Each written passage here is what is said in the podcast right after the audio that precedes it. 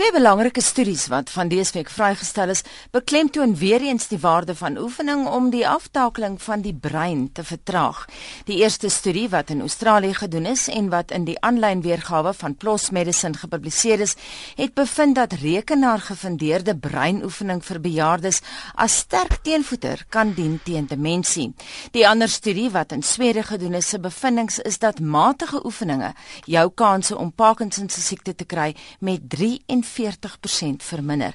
En vir meer hieroor praat ons nou met ons wetenskapkorrespondent op eh, Stellenbosch George Klassen. Goeiemôre. Goeiemôre Anita. George, kom ons begin by die Swede. Hoe gesaghebend is die tydskrif A Journal of Neurology waarin hulle studie gepubliseer is? Baie gesaghebend en die, die Switserse studie is 'n baie groot studie. Hulle 43000 individuele mense gevat oor 'n tydperk van 12 en 'n half jaar van 1997 tot 2010 ongeveer. En eh, so die die die die studie is 'n baie omvattende studie wat hierdie mense gevolg het oor daardie tydperk en te kyk wat is die die die effek van oefening op hulle op hulle daaglikse aktiwiteite en of hulle Parkinson sou kry of nie. George ek neem aan dat die klem op die oefening hier op die byvoeglike naamwoord matig is. Jy hoef nie so baie te oefen nie. Ja, hulle beklemtoon dit juist. Dit gaan selfs eh, daarvoor dat, dat as jy 6 uur per week besig is met met uh, jou huiswerk deur jou eie wasgoed te was en dit op te hang en aktief in die huis te wees, jou eie huis skoon te maak uh en uh, te stap. Uh, hulle sê matige oefening ongeveer 30 minute 'n dag vir uh, uh vir ongeveer 6 dae, 7 dae 'n week en uh maar dit kom neer op 6 uur per week. Uh, Daai tipe kan jou jou jou risiko om Parkinson te kry met iets soos 43% verminder. En jy het ook die agtergrond George oor die Asiëse navorsing wat in PLOS Medicine gepubliseer is. Ja, die studie is 'n interessante studie wat in in Sydney by die Universiteit van Sydney gedoen is en hulle het 'n uh, eh, interessante uh, toetse gedoen op, me, op mense wat redelik bejaard begin word en die effek wat groeps en dit is die punt wat hulle beklemtoon groepsoefening uh, dat jy 'n groepe oefening kry op rekenaar rekenaaraktiwiteite. Uh en hulle het gevind dat uh, daar baie duidelike uh voordele daarin is om mense veral hulle geheue en die die die manier waarop hulle dinge vinnig hulle dinge kan doen en vinnig kan snap uh dit dit direk kan beïnvloed.